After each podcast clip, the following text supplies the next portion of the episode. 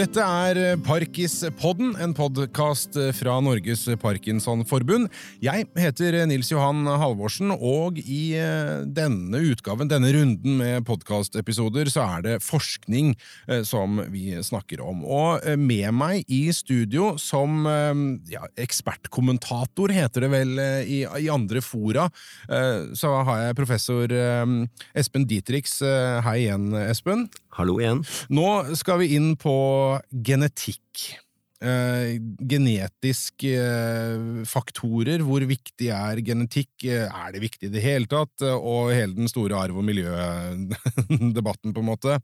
Eh, jo, vi har jo også fått inn mange spørsmål om dette her. Vi har etterlyst spørsmål eh, fra eh, Parkispod-lyttere om forskning, og, og, da er det jo flere som har spurt om akkurat dette her med genetikk. Og, og bare sånn innledningsvis, før vi går ned i materien her, hvilken rolle spiller genetikken eh, når det kommer til parkinson? Ja, det er jo fortsatt et spørsmål. Det problemet vi har, er at Parkinsons sykdom har ikke én felles årsak hos alle pasienter.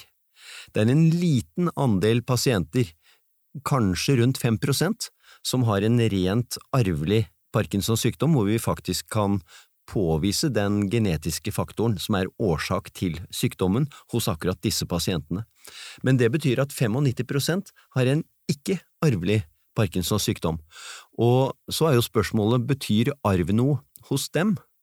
Og vi vet kanskje at det er noen arveanlegg som kan eh, kanskje øke risikoen for å få Parkinsons sykdom med 50% eller kanskje attpåtil doble risikoen, men i den store sammenheng er hyppigheten av Parkinsons sykdom likevel såpass lav at om man har en doblet risiko for å få sykdommen, så er ikke arv en veldig vesentlig faktor hos disse pasientene. Nei.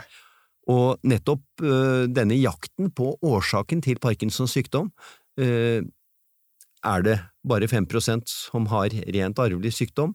Uh, kan noen ha en større risiko enn kanskje dobling hvis de har en uheldig kombinasjon av arveanlegg?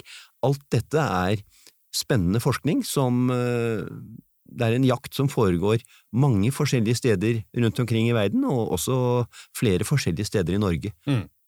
Ja, da kan vi jo håpe å si, stikke innom et av de stedene. Eh, nevrologisk avdeling ved Universitetet i eh, Oslo. Eh, ganger som jeg vil anta du kjenner relativt godt, eh, Det er nok så, ja. eh, Mathias eh, Toft han er overlege og professor, og, og jobber med nettopp den genetiske årsaken, om noen, til Parkinsons sykdom. La oss høre hva, hva Mathias Toft har å si. Det vi vet i dag, det er at det fins noen familier hvor um, Parkinsons sykdom er en mer sånn tradisjonelt arvelig sykdom. Uh, men de familiene er ganske sjeldne. Det er noen i Norge. De uh, uh, har blitt genetisk undersøkt ganske nøye. Det er noen som har mutasjoner i det som heter LARC2-genet, som, som, som, vi har funnet ut av. Eh, men det er ikke så veldig mange. Eh, så det er noen familier hvor det er tradisjonelt arvelig, og så vet vi at det er noen arvelige faktorer som kan spille inn en god del hos de aller yngste som får parkinson. Altså de som er under 40 når de får symptomer, så er det, eh, da er det noen flere som har genetiske årsaker. Men hos de aller fleste, da, over 95% av eh, pasientene så vet vi ikke om noen sånn enkelt genfeil som gir sykdommen, som er en, en klar årsak. Så har vi vært med sammen med mange andre i sentre i verden og gjøre denne veldig store genetiske kartlegginger for å se på ja, disse 95, 96, 97% av eh, alle som får parkinson, er det noen genetiske varianter? Er det noen eh, versjoner av ulike gener som bidrar litt da, til å øke risikoen? Og det har, vi, det, det har man funnet ut. Så det, nå finnes det rundt 90 sånne områder på genomet hvor det er genvarianter som bidrar hver seg bitte litt, men veldig lite, til, um, til å, å, gi risiko for, for, sykdom. Så hos den enkelte har ikke dette noe å si. Altså Hos den enkelte så kan man ikke, man kan ikke bruke det til å stille en diagnose, eller man kan ikke si at det er derfor, det er derfor den og den personen fikk sykdommen. Men vi kan bruke din informasjon til å forstå litt mer av hvilke systemene inni hjernecellene er det som fungerer noe dårligere hos de som er litt større risiko for å få sykdom. Vi prøver å bruke den informasjonen til å skjønne mer av måte, hva det er som går galt inni cellene. Si, si, litt om hvordan man forsker på parkinson og, og gener, Mathias?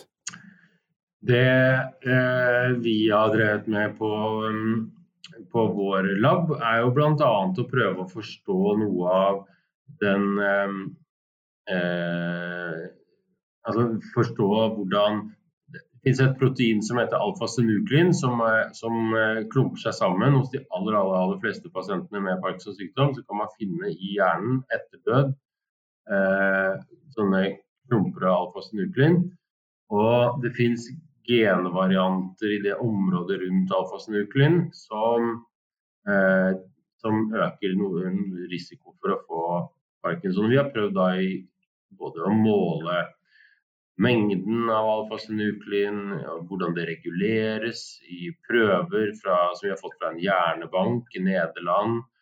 Eh, vi har brukt modeller, sånne celler fra hjernen som man kan prøve å gjøre endringer av eh, genvarianten og se om det påvirker hvordan, hvor mye alfasynuklin man får i disse ulike prøvene. Um, andre har laget dyremodeller uh, av varianter og mutasjoner i genet. Da lager mus, se hvordan hjernen blir da. Man prøver å bruke den informasjonen til å lære mer om sykdommen.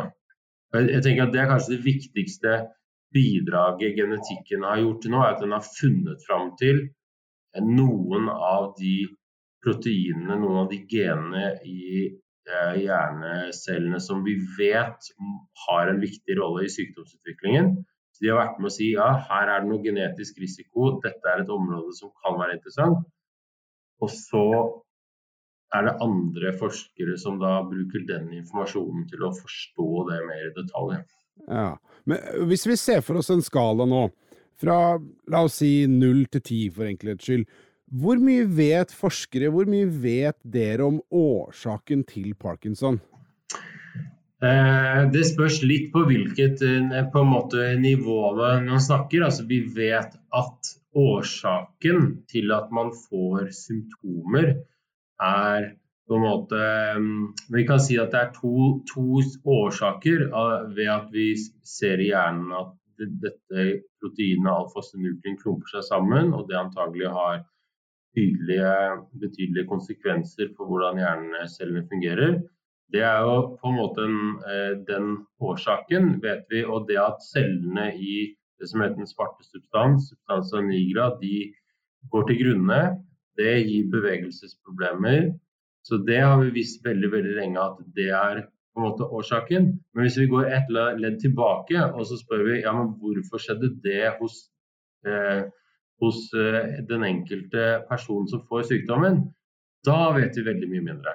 Så hvis, hvis, er, hvis, om, hvis du spør om liksom, hva er årsaken hos den enkelte person til at man fikk en, en, en, en et tap av celler i substansia nigra og en denne prosessen som gir disse det som man kaller leverlegemer i hjernen ellers, så kanskje vi har forstått på en skala fra 1 til 10, ja, to kanskje. Det var litt sånn uh, forstemmende avslutning eh, der fra Mathias uh, Toft når det kommer til hvor mye man vet. Det er veldig, er veldig lite. Ja, det er et veldig komplekst spørsmål. Eh, som eh, jo Mathias sa, så er det kanskje 5% av pasientene som har en rent arvelig årsak til Parkinsons sykdom. Mm. Og hos de 5% av pasientene så er jo svaret 10 på skalaen 0 eh, til 10. Der ja, kjenner vi jo årsaken helt i detalj. Mm. Eh, problemet er de 95 som ikke har en rent arvelig form. Mm. Og der vet vi jo, som han sa, at det hopes opp et eh, protein som heter alfasynuklin, som eh, helt åpenbart har betydning for at cellene dør. Eh, I de arvelige formene for parkinson så kan vi forklare hvorfor alfasynuklin hopes opp.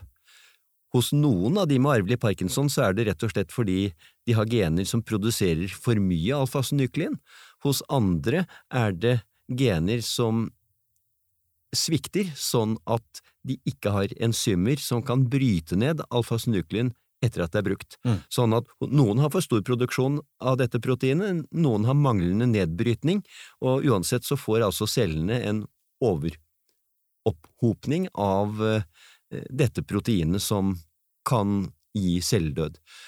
Men problemet er da i hvilken grad skjer dette hos det store flertallet av Parkinson-pasienter, de som ikke har genetisk parkinsonisme? I hvilken grad har genetiske eh, faktorer en rolle også for det?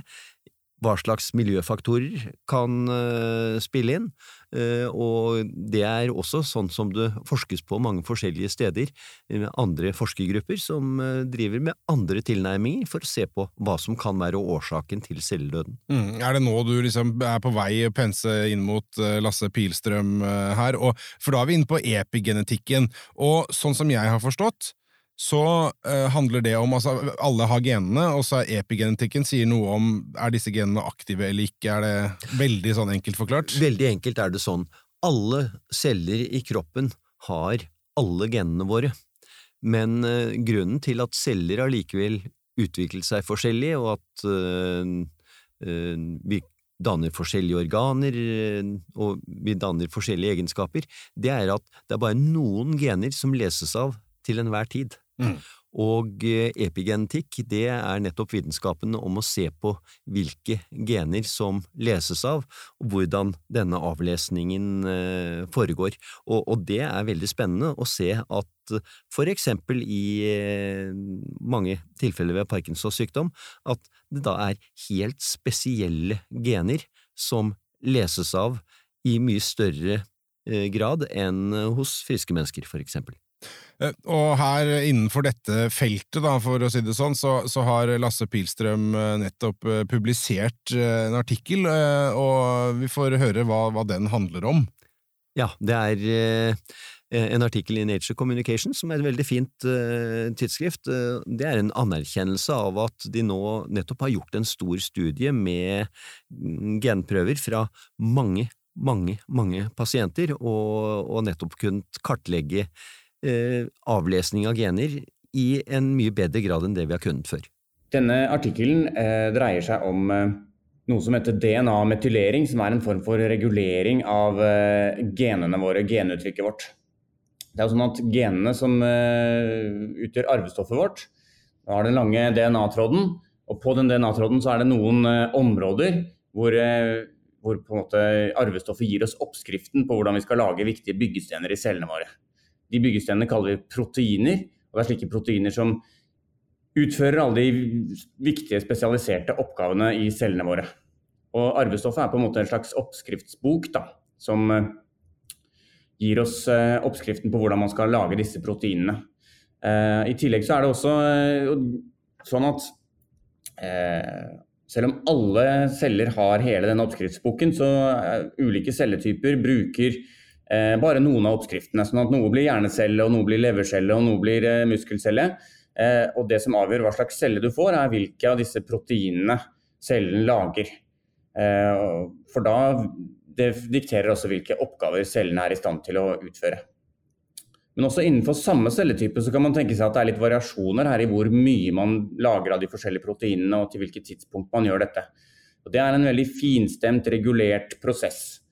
Så det er mange viktige mekanismer i cellene som handler om å øh, bestemme hvor, hvilke proteiner som skal bygges, og når de skal bygges, og hvor mye av dem som skal bygges.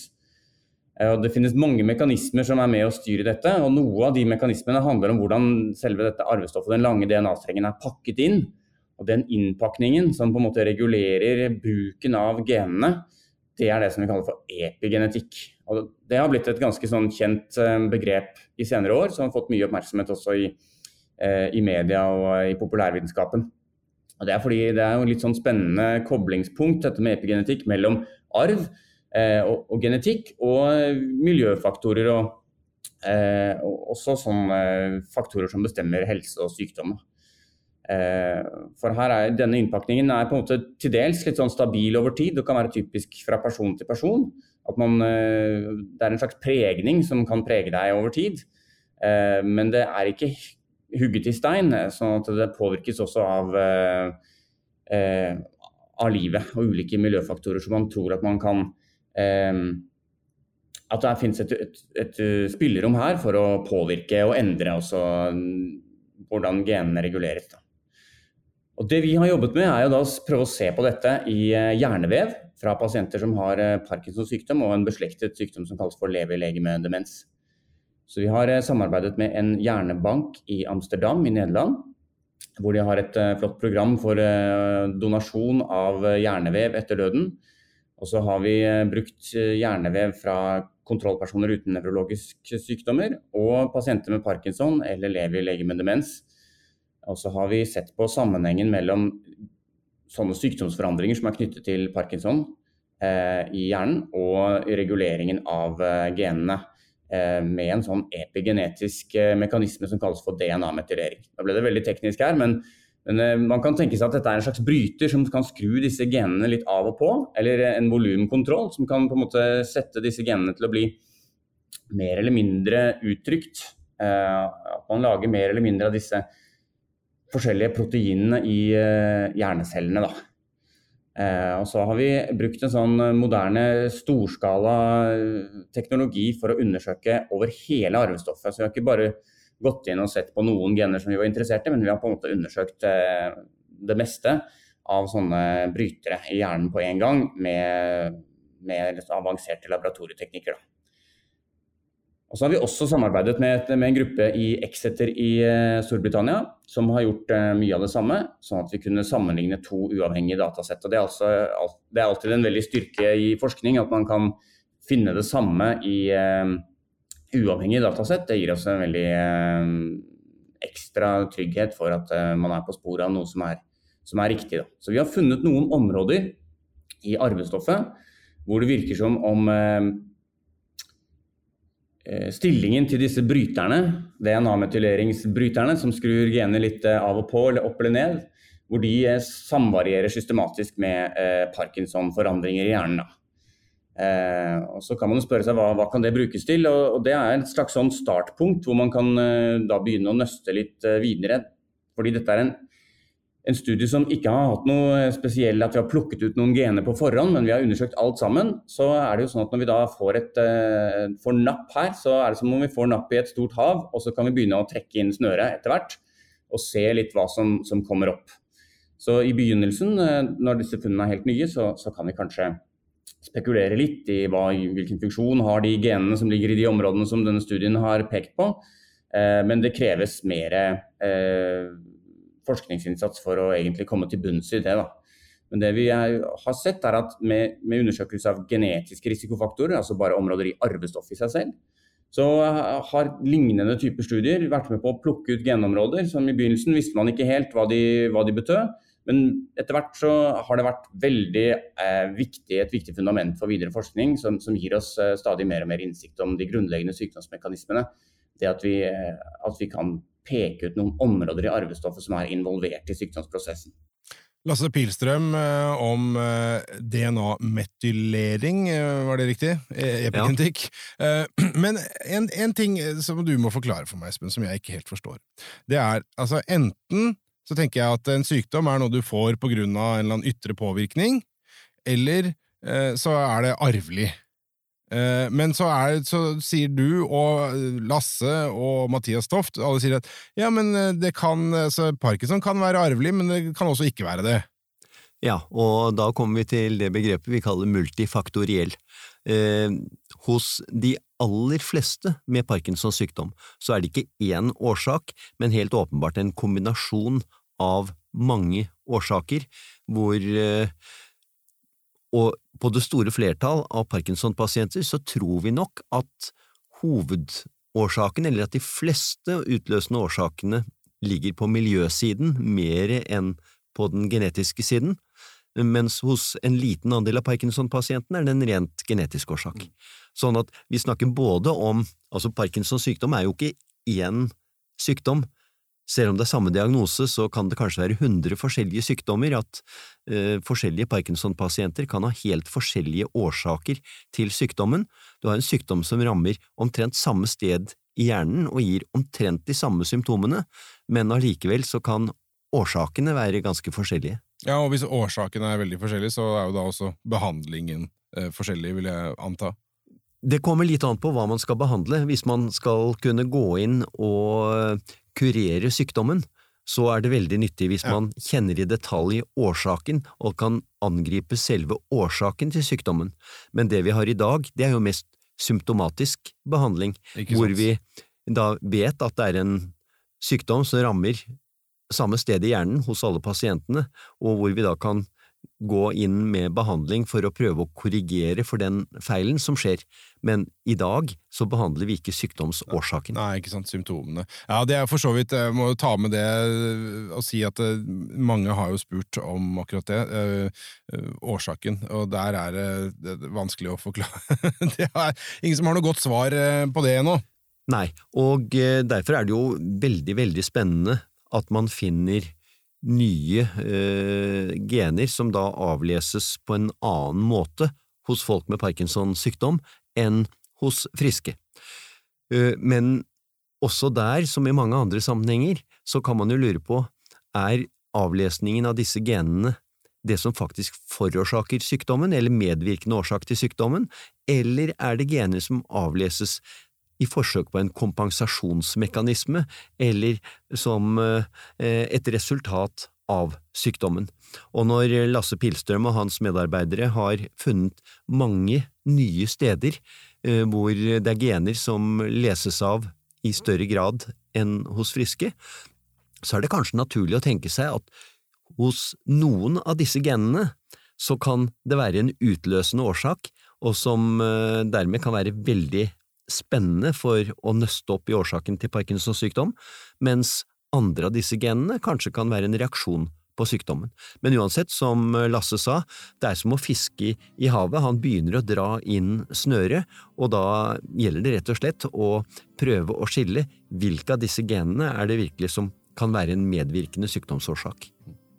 Vi lar det være siste setning i denne episoden av Parkispodden. Eh, så takker vi for følget nå, og eh, sier at eh, Espen Dietrich, takk for at du var med nok en gang og nøstet sammen med oss. Jeg heter Nils Johan Halvorsen, og så høres vi neste gang.